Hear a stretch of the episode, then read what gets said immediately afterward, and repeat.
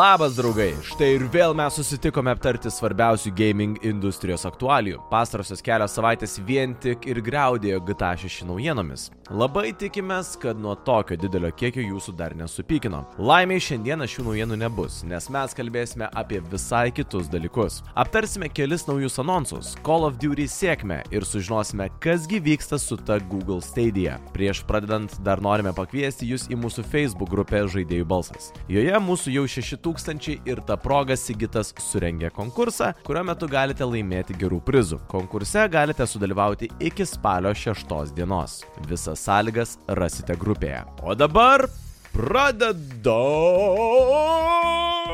Spalio 28 dieną bus išleista laukiamiausia šių metų šaudyklė Call of Duty Modern Warfare 2. Activision jau pravedė beta testavimą ir publikuojami auditorijos skaičiai tikrai stebina. Pati studija neviešina žaidėjų kiekio, bet platformoje Steam galima pamatyti, kad žaidimo beta versija buvo surinkusi 168 tūkstančių žaidėjų vienu metu. Tai yra didžiausia online žaidėjų viršūnė, kurios nebuvo pasiekęs nei vienas kitas Call of Duty žaidimas. Įskaitant tai, kad tokie skaičiai renkasi jau beta testavime, pačią Modern Warfare 2 laukia stulbinanti sėkmė.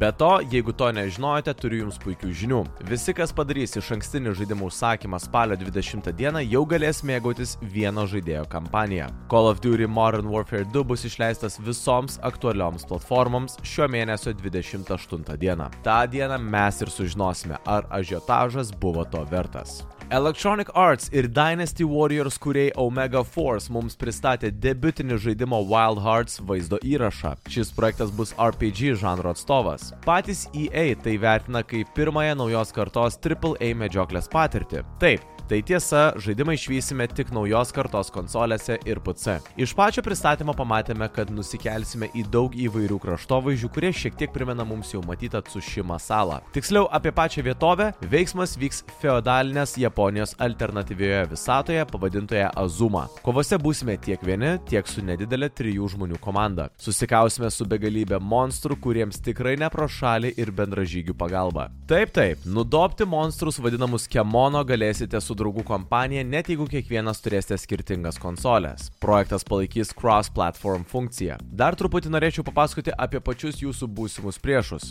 Visi kemono bus įkvėpti gamtos ir naudos paties pasaulio suteiktus sugebėjimus ir naudosis tam parengtą taktiką. Pirmasis įspūdis yra toks, kad kuriejai mums žada labai daug gyvų skirtingų pabaisų, kurias įveikti mums bus dar didesnis iššūkis. Žaidimas pasirodys sekančių metų vasario 17 dieną. Ubisoft dar kartą atidėjo savo žaidimą apie piratus Skull and Bones. Tačiau šį kartą vietoj neiškaus išleidimo lango paskelbta tiksli data. Luna, PC, PS5, Stadia ir Xbox platformoms skirtas žaidimas, kurį buvo planuojama išleisti lapkričio 8 dieną, dabar pasirodys 2023 m.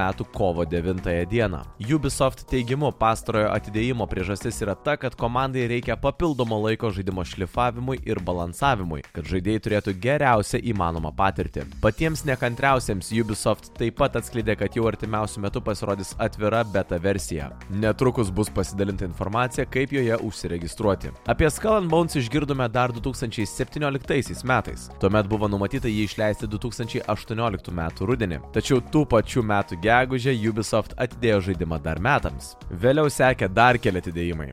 Skull Bones yra veiksmo žaidimas vykstantis atvirame pasaulyje, kuriame įsikūnysime į pirato vaidmenį. Na, mums belieka tikėtis, kad žaidimas pagaliau išvys dienos šviesą. Sony paskelbė, kad Sackboy A Big Adventure kitą mėnesį pasirodys asmeniniuose kompiuteriuose. Mes ir toliau matome iš PlayStation konsolių į PC perkeliamus ekskluzyvus. Šį žaidimą galėsite žaisti jau nuo spalio 27 dienos Epic Game Store bei Steam. Žinoma, Sackboy į savo wishlistus galite įtraukti jau dabar. Be naujienų gavome išsame informaciją apie naujas funkcijas ir patobulinimus, kurių galite tikėtis, kai žaidimas bus išleistas. Projektą galėsite išbandyti 4K raišką ir 120 kadrų per sekundę greičiu. Taip pat, jei turite plačią ekranį 21.9 formato ekraną, žaidimas bus pritaikytas ir jums. Be abejo, asmeninių kompiuterių savininkams yra aktualu ir reikalinga geležis, kitaip tariant reikalavimai. Nu, o dabar pristatysime minimalių reikalavimų receptą. Užsirašykite. Jums reikės 60 GB vietos HDD, tačiau rekomenduotina SSD diske. Nvidia GeForce GTX 660 arba Radeon R7 265 vaizdo plokštės, Intel Core i5 6400 arba AMD FX 6300 bei 8 GB RAM.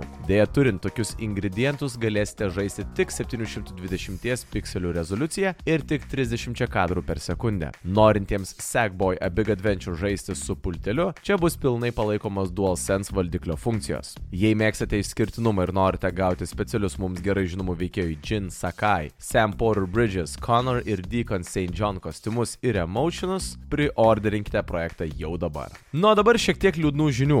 Google savo mirusių produktų kapinėse palaido dar vieną projektą. Platforma Stadia greitų metų bus nebepalaikoma. O gaila, juk tai buvo tokia puikia konsolė. Ai ne. Na žodžiu, kokia ten ta Stadia bebūtų, tuoj apie viską papasakosiu. Taigi, Google užbaigė savo streaming konsolės palaikymą. Klausimai tik du - kada ir kodėl. Dėl antrojo klausimo manau viskas aišku. Kadaise ši platforma buvo vadinama įprasto gamingo žudiku, o rezultate nepateisino jokių lūkesčių. Kadaise žmonėms atrodė, kad didžiosioms konsolėms atėjo galas, o gavosi taip, kad galas visgi atėjo, bet ne joms. Žodžiu, Google Stadia nesurinko pakankamai auditorijos ir šio Frankensteino kuriejas nusprendė, kad neverta į jį investuoti pinigų ir laiko. Na, laidotuvės įvyks jau visai greitai. Taškas ties šiuo projektu bus padėtas 2023 m. sausio 18 d. Iki to laiko žaidėjai dar turi galimybę išbandyti šią platformą. Nu, o paskui viskas. Lieka dar klausimas dėl gražinimų. Ne jau Google paliks žaidėjus ant ledo ir jų nusipirkti Stadia pultelį taps plastiko gabalu? Na, ne visai. Šiuo atžvilgiu kompanija elgsis gražiai ir žada, kad išleisti pinigai bus gražinti. Šiuo klausimu galima nesirūpinti, Google planuoja atlikti daugumą refundų jau iki sausio vidurio. Svarbu paminėti ir tai, kad Google planuoja baigti tik platformos palaikymą. Pačių Stadia technologijų korporacija atsisakyti nesiuošia. Jos bus integruojamos į kitus projektus tokius kaip YouTube ar Google Play. Na ir dabar labai svarbus klausimas, kasgi su žaidimų progresu, kuris buvo pasiektas šioje platformoje. Na, kažkam bus džiugu, o kažkam liūdna. Kai kurios studijos jau dirba ties šiuo klausimu. Verta pabrėžti, kad toli gražu ne visos, bet kai kurios. Tarp jų yra ir tokie gigantai kaip Ubisoft, IO Interactive ir Bungie. Be to bus gražinti pinigai ir už visus pirktų žaidimus bei jų papildymus. Todėl dabar belieka laukti, kol Stadia pragyvena savo paskutinius mėnesius, o paskui stebėti, kągi Google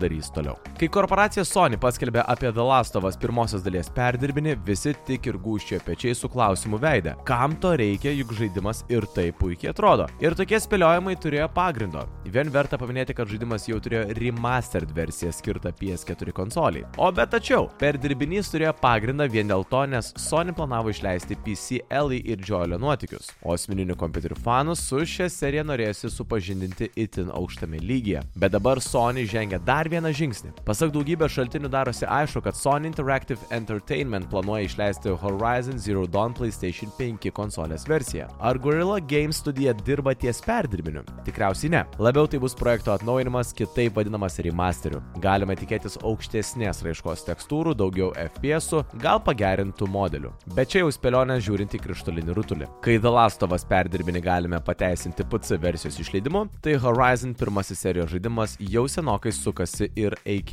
įrenginiuose. Tad toks sprendimas atrodo keistas. Juk šis geležinių dinozaurų projektas buvo išleistas tik prieš penkerius metus. Vienintelis tokių veiksmų pateisinimas turėtų būti šalutinis Horizon daugelio žaidėjų projektas. Na ir pabaigai. Jei viskas atrodys tikrai geriau, veiks sklandžiau ir atnaujinimas turint žaidimą kainuos nedaugiau 10 eurų, tai kodėlgi ne. Fanams tai tikrai patiks, bet sakau atvirai, žaišiu originalią versiją ir vargo nematyčiau. O kaip jums tokie keisti Sony sprendimai? Tai dovano žaidėjams ar tiesiog eilinis noras pasipelnyti? Po trijų metų pertraukos The Game Awards vėl atvers duris gyvai publikai. 2022 metų žaidimo apdovanojimai vyks gruodžio 8 dieną Microsoft teatro arenoje Los Andželė. Biletai į renginį bus parduodami jau kitą mėnesį. Naujasis World of Warcraft Dragonflight papildymas startuos lapkričio 28 dieną. Su šiuo atnaujinimu galėsime tyrinėti keturias naujas zonas Drakonų saloje. Taip pat mūsų laukia aštuoni nematyti požymiai, iš kurių keturi yra aukštesnio ir keturi aukščiausio lygio.